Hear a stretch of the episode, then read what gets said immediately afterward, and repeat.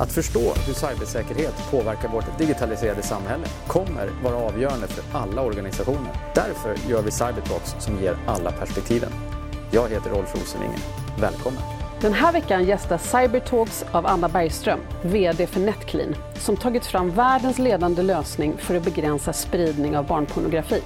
Vi får höra Anna berätta om hur näringslivet påverkas av FNs hållbarhetsmål men också om varför kampen mot child sex abuse är en av vår tids stora frågor. I avsnittet får du som lyssnare också konkreta råd om hur du kan gå tillväga om du vill skydda din organisations varumärke vad gäller dessa frågor. Hej och välkomna till ytterligare ett avsnitt av Cybertalks. Eh, idag har vi med oss Anna Borgström, eh, VD för ett företag som heter Netclean och eh, jättekul att du kunde komma. Tack så mycket. Eh, jag har ju följt Netcleans utveckling och vi har ju känt varandra ett tag. Eh, och jag ser fram jättemycket mot att höra lite så att säga vart den är på väg och eh, hela liksom ehm, det arbete som jag tycker är oerhört viktigt som ni, som ni jobbar med och få höra lite mer om det. Så att, men vi kanske ska börja med en kort introduktion. Ehm, jag nämnde att du var VD för Netclean men, men berätta kort om dig själv och ja. hur det kom sig att du blev VD för just Netclean. Mm. Eh, ja, jag heter Johanna Borgström då. Jag kommer från en bakgrund som är ganska bred som innefattar ekonomi, teknik och ledarskap. Och eh, mitt, eh, min första arbetsplats var Ericsson där jag började som systemutvecklare men gick snabbt in på och blev kundprojektledare och jobbade utomlands i i rätt många år med olika kundprojekt på uppdrag av Ericsson och Global Services som det hette då. Eh, sen gjorde jag väl en, eh, en, eh, en klassisk ledarskapsresa, att jag försökte att ta mig an ledarskapsjobb för att utveckla den sidan hos mig. Jag ville ha ytterligare ett element i min, eh, i min karriär och det här kommer samtidigt som Corporate Social Responsibility blev hett och eh, när jag fick mitt andra barn så gick jag en utbildning parallellt i CSR.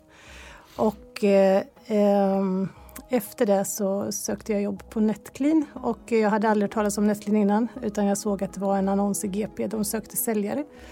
Och jag tänkte att det var ju skitspännande, eller jättespännande för eh, ehm, det var teknik, innovativ teknik. Det var teknik som eh, hade den här eh, CSR-kopplingen på sig.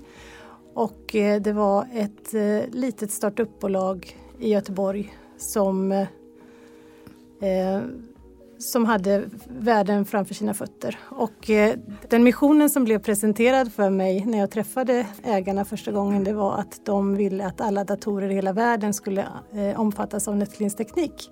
Just det. Och det där är ju, jag tycker att det är jättehäftigt att man alltså, träffas den typen av människor. Jag tycker själv det är som, som vågar uttala en vision. Och jag tror att du och jag har pratat om den där visionen någon gång att eh, den, den är ju kittlande.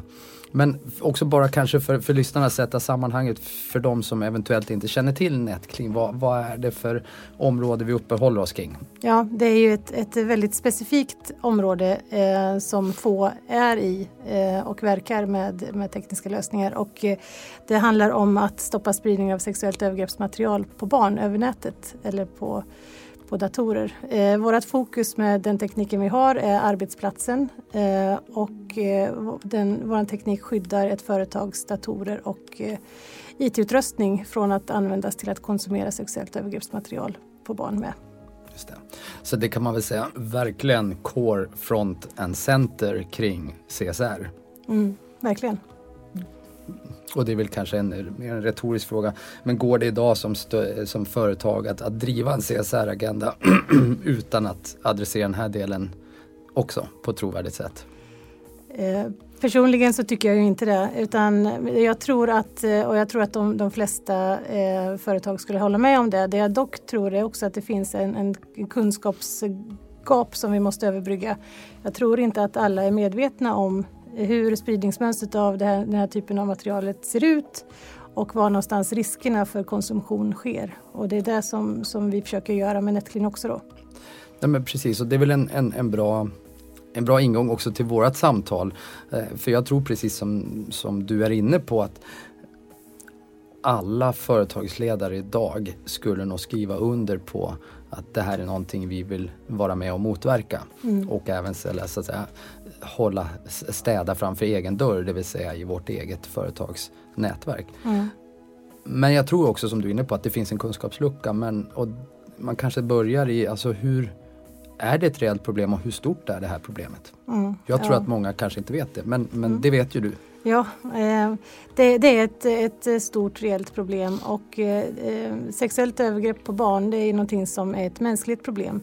Men i och med konnektivitet och, och eh, internet och eh, teknikutveckling i form av mobiltelefoner med, med, med, smarta kameror och så vidare har gjort att det, att det är mycket lättare att producera och distribuera och lagra den här typen av material.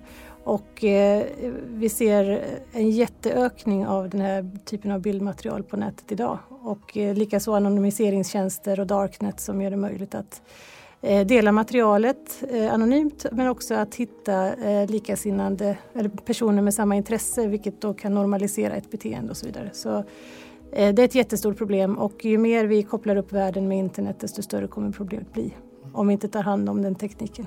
Kan vi kort också kanske då beskriva om man nu sitter och känner att eh, det här har jag också funderat på men kanske inte riktigt vetat om att det finns de här lösningarna. Kan, vad gör NetClean?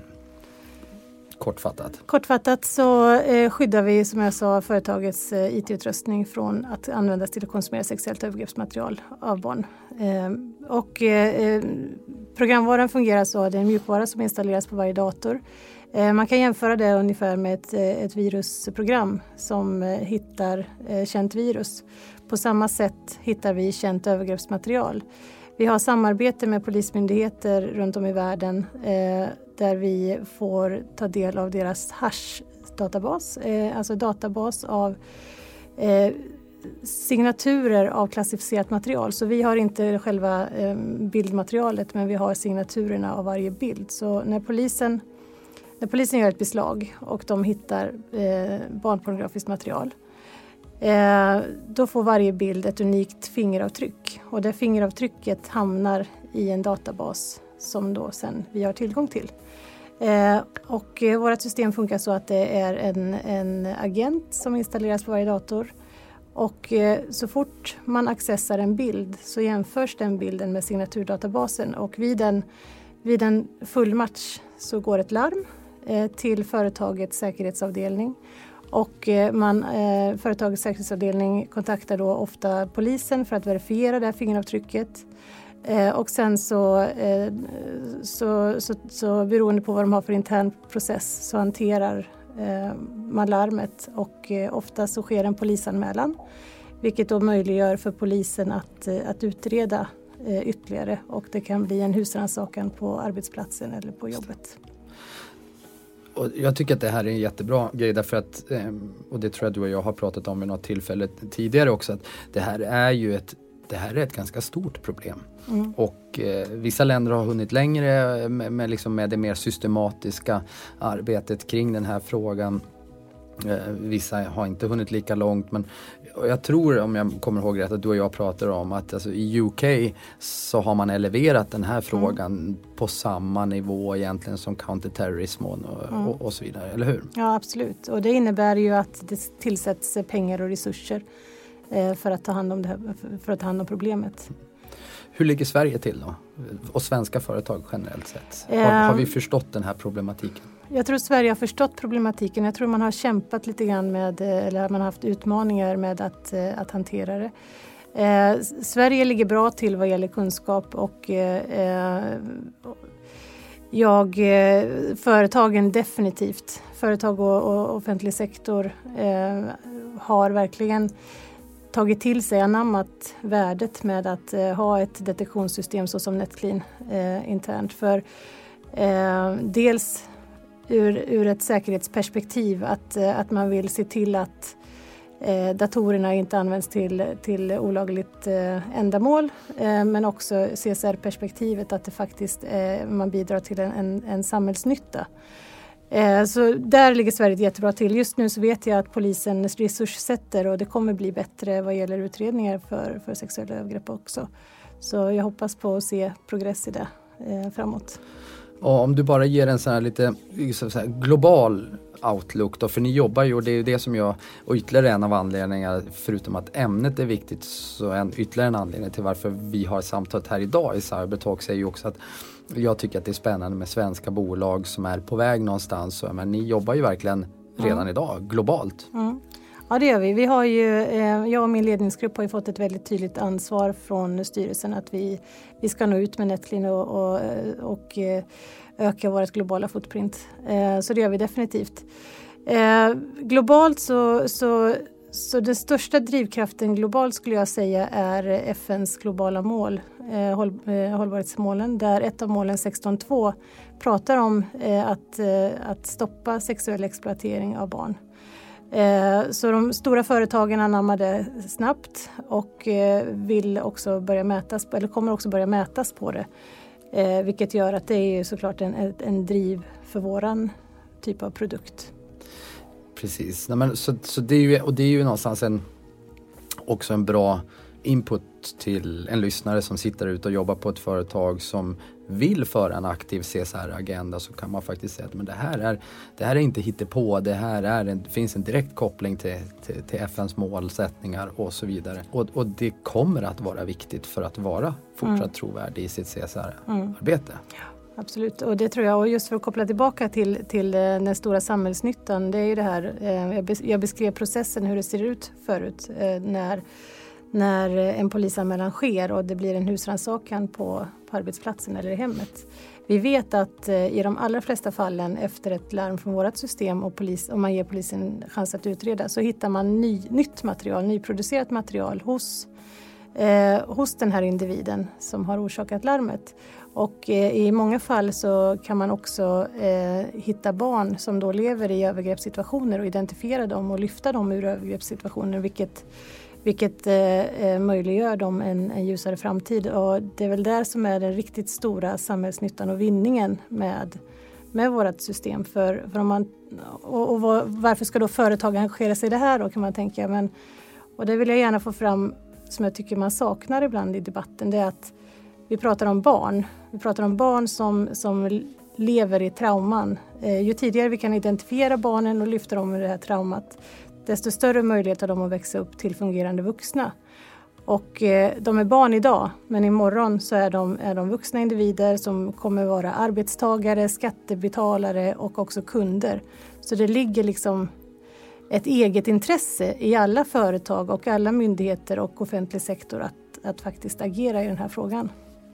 Ja, verkligen. Och, ja, men, och som du är inne på, det är, ibland är det ju också kanske lätt att man antingen blir teknisk eller man blir för högtflygande FNs eh, mm. liksom, målsättningar och så vidare. Men och jag tycker att det är bra någonstans att också som du, precis som du gör, att liksom lyfta ner det till någonting ganska konkret. För det, det är faktiskt i slutändan det det handlar om. Ja. Det är barn som far fruktansvärt illa. Mm. Och här finns faktiskt en, en aktiv möjlighet att göra någonting åt det, vilket ju är fantastiskt. Ja, ja det är så. Det är ofta också när man pratar om teknik och man pratar om bilder som sprids så det blir väldigt lätt, lätt tekniskt att att eh, ja, men det är bara en bild och, och, och hur, ska, hur ska vi utveckla tekniken för att kunna detektera och stoppa bilden. Men man, man kan inte glömma, och man får aldrig glömma att den här bilden är ett brott, en brottsplats. Det är, en, en olag, det är olagligt, det är, det är som vilken mordscen som helst liksom, som är, är dokumenterad. Fast det här är värre. Ehm, och det, och det är väl också kanske en av anledningarna till att man om man nu tänker att man är företagare eller för den del säkerhetschef inte kanske ge sig på det här själv utan för det finns någonting som heter chain of custody och massa mm. sådana saker och eh, det finns en hel del ska man säga, kunskap inbyggt i det ni gör. Mm. Ja men det gör det och vi, eh, vi hjälper gärna till med eh, vilka policies och processer som, som måste finnas på plats och är det så att man är en organisation som inte riktigt vet hur man ska hantera det här då finns det också konsultfirmor som gärna hjälper till med det. Ehm, men de flesta företagen som vi har som kunder de rapporterar till polisen och sen är det polisen som, som utreder. Det är liksom ett polisarbete. Precis, och det tror jag är en viktig, alltså apropå den här kunskapslyftet eh, liksom, kanske då att eh, jag tror att en del kan ha hållits tillbaka eh, för att man varit lite rädd för vad händer om vi får träff och måste ja. vi sitta och utreda det här? Men det är inte så det går till? Eller? Nej absolut inte och, och jag, jag, tycker ju att företagens, företagen ska skydda sin, eh, sin borg. Liksom. De ska skydda sin utrustning och sin teknik. Eh, och sen om de gör en polisanmälan, där, där, där går ärendet över. Eh, och så får deras interna eh, HR-process ta vid då vad, vad, som, vad som händer. Men, men jag ser inte att företagen ska leka poliser eller att de ska liksom eh, gå in i, i, mer i den här juridiska processen. Det är, liksom, det är en annan instans av samhället som måste ta vid och det är det som är så viktigt att det funkar i den här komplexa miljön som vi jobbar med. Det är att alla i samhället måste göra sitt och det här måste verkligen funka. Så eh, ja. Nej, men, och det tror jag du har helt rätt i. Men är det, är det oftast säkerhetscheferna som blir ingångs, så att säga, porten till diskussionerna med er eller var, var sitter det här i företagen? Alltså mm. ansvaret för den här frågan eller vem, vem får det att driva så att säga, en eventuell implementering till exempel av mm. er lösning? Eh, ja, det är en bra fråga. Ofta är det säkerhets, eh, säkerhetschefen som på något sätt förstår att det finns ett gap i, i befintlig säkerhetsportfölj eh, som vi fyller med vår produkt. Eh, men sen är det också HR, det är CSR, det är legal, communication och sen till slut så brukar det hamna uppe i ledningsgruppen hos, på företaget oavsett vilken storlek av bolag det egentligen är.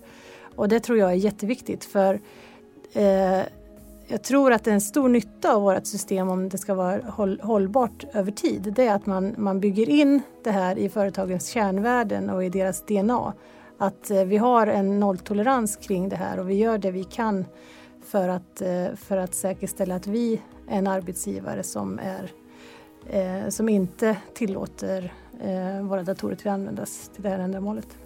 Jag tror att det är en jättebra poäng du gör att ja, man kan säkert som säkerhetschef så att säga implementera en teknisk lösning men finns inte förankringen i hela vägen upp så kommer man ha svårt att sätta processerna kring mm. det. Eh, och man får svårt att över tid kanske också vidmakthålla det här. Mm. Medan gör man det tvärtom och verkligen skapar den förankringen att det här är en viktig del av varumärket, av CSR-arbetet, så då har man ju som säkerhetschef också, då har man allt det stöd man behöver mm. liksom för alla implementationsdiskussioner mm. och, och processdesigner och, och, så vidare. För det är ju ändå som du är inne på, och det har jag ju själv haft erfarenhet, det var egentligen så för många år sedan som, mm. som jag lärde känna Netclean att det är ju också en, det blir ändå ett antal olika funktioner inne på ett företag som blir inblandat ja. när man ska välja att ta steget. Och, och, många företag är ganska bra på att jobba i funktionerna mm. och allt som går tvärs blir lite jobbigare. Och mm. Då tror jag verkligen just på den här alltså förankringsresan mm. i förväg så att man har mandatet med sig. Mm. Ja absolut och det är någonting som jag upplever också i de processerna som jag själv har jobbat i. Att det till slut är någonting som stärker hela bolaget. Just som du säger att man jobbar i, i silos. Det är inte ofta som HR och eh, kanske CSR eh, ha, träffas och pratas eller jobbar tillsammans med något konkret som, som, som i det här fallet. Då. Och eh, jag tror att det, det, bara blir bättre för, för hela företaget att få den här kärngruppen att knytas samman till något också. Och jag upplever att efter, eh, efter eh, de kunderna vi har, de är otroligt eh, stolta över, över det ställningstagandet som de har gjort. Och eh, vi har verkligen världens, världens bästa kunder. Det är ett otroligt engagemang och vilja att, att göra skillnad. Jo men det blir ju, tänker jag precis som du säger, det blir ju också ett ställningstagande. Vad vill vi som företag stå för? Mm. Men tänker jag då om man, om man nu sitter och lyssnar och tycker att vi har faktiskt inte det här då, men det här, är, det här låter ju som någonting vi vill göra. Hur, hur går man hur går man tillväga? Alltså hur ser en implementationscykel ut? Är det svårt? Eh, tar det lång tid? Ehm, hur, hur, gör man? Mm, en bra fråga.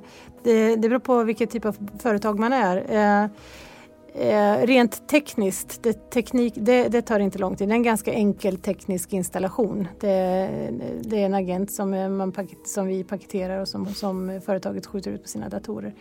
Eh, man kan göra en, en proof of concept eh, med, med vår teknik, med våra mjukvara.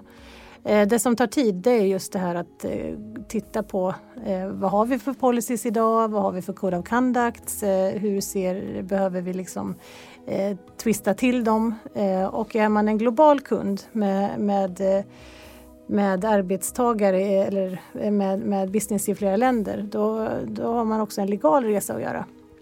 Och det kan ta lite tid men, men vi har så stor erfarenhet av det nu och vi har så många kunder som har vi finns ju med vårt verktyg i 110 länder så det, vi har gjort det här förut. Så både vi och våra kunder ställer gärna upp där som bollplank.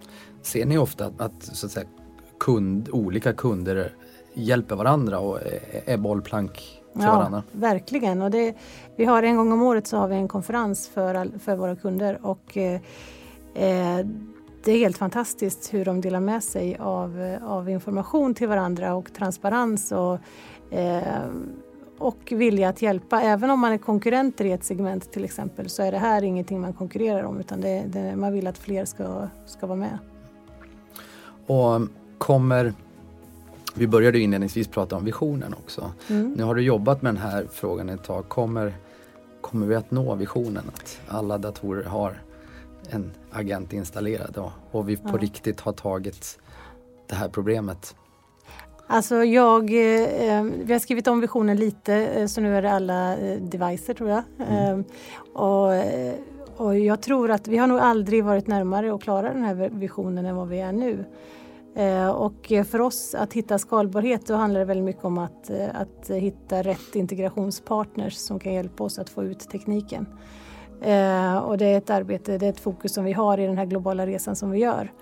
Eh, men jag tror absolut att det här, det här problemet har kommit till ytan. Eh, vi måste ta hand om det. Eh, det finns på de politiska agendorna runt om i världen. De största företagen gör det här redan. Eh, det handlar bara om att fortsätta att, att utbilda och eh, få fler och fler att, att förstå värdet för sig själv som företag men också för samhället, varför man ska göra det. Men om man väl har så att säga, börjat fundera, eh, finns det någon som säger nej? Um, det, finns ju, det är det som är så svårt. Alltså, vi har ju världens mest lätt, lättsålda produkt. Uh, det, finns, det finns ingen som riktigt säger nej till det. Eh, och då kan man tänka, men varför är vi inte större då? Eh, och det, men sen ska det pengar till och det ska, det ska allokeras resurser och det ska eh, sättas processer på plats och så vidare. Och det tar tid. Men jag tror inte man säger nej ifall man är ett framåtriktat företag som vill göra business även om fem år faktiskt. Nej, jag tror att du har rätt. Och vissa saker handlar nog bara om när, eh, när man väl har kunskapen varom det hela handlar och att det här faktiskt är ett reellt problem. Om man på riktigt börjar sätta sig in i, som vi var inne på tidigare, vad det här egentligen är. Mm. Vad som gömmer sig bakom en, en förkortning som CSA och mm. så vidare. Så måste man väl agera? Ja, det måste man. Och eh, CSA står för Child Sexual Abuse och, eh, och eh, också ur ett riskperspektiv tänker jag. För de här personerna som hanterar den här typen av materialet, de får tag i materialet någonstans ifrån och det är ofta på oreglerade webbsidor eller eh, på på ställen där man inte vill, vill eh, finnas som kan, som kan dra med sig andra typer av, av virus. Och vi vet från vår rapport att, att eh, i de flesta fallen eh, där man har detekterat eh, sexuellt övergreppsmaterial på en dator så ligger även eh, mycket stora mängder pornografi runt där och det ligger också eh, företagshemlig information eh, som är sparad i samma filstrukturer och så vidare. Så jag, jag skulle säga att ur ett riskperspektiv så, så bör man hantera det här också. Ytterligare skäl helt enkelt att, mm. att ta tag i frågan. Men hör du, vilka, vilka är de lysande stjärnorna som du ser på den här himlen? Vilka är det som verkligen har tagit tag i det här och gått före? Ja, det är ju våra kunder. Eh, jag kan inte säga namnet på dem. Eh, eh, men det, vi har ju de flesta st stora bolagen i Sverige som kunder. jag kan sakna mycket av offentlig sektor faktiskt. Även om vi har de största kanske de största städerna. Eh, men eh, ja, det är de absolut lysande Eh, stjärnorna på, på himlen. Eh, och sen är det ett par andra stjärnor som jag vill lyfta, det är faktiskt eh, Netclean-teamet som varje dag kommer till jobbet glada, positiva, kämpar med, med, med tekniken för att den ska funka så smidigt som möjligt i de här väldigt komplexa miljöerna som, vi, som våra kunder faktiskt har. Och som alltid är glada och positiva och, och ja, de är bäst. Ja, men det är härligt. Ja. Och det kanske också är lite grann the power of doing good. Ja, jag tror det.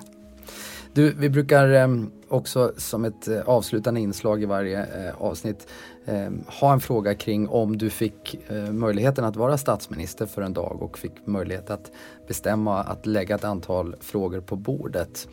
Ehm, förslagsvis inom det här området. Vad, vad skulle det vara? Vad skulle du vilja lägga på bordet så att vi fick upp en tydligare debatt kring?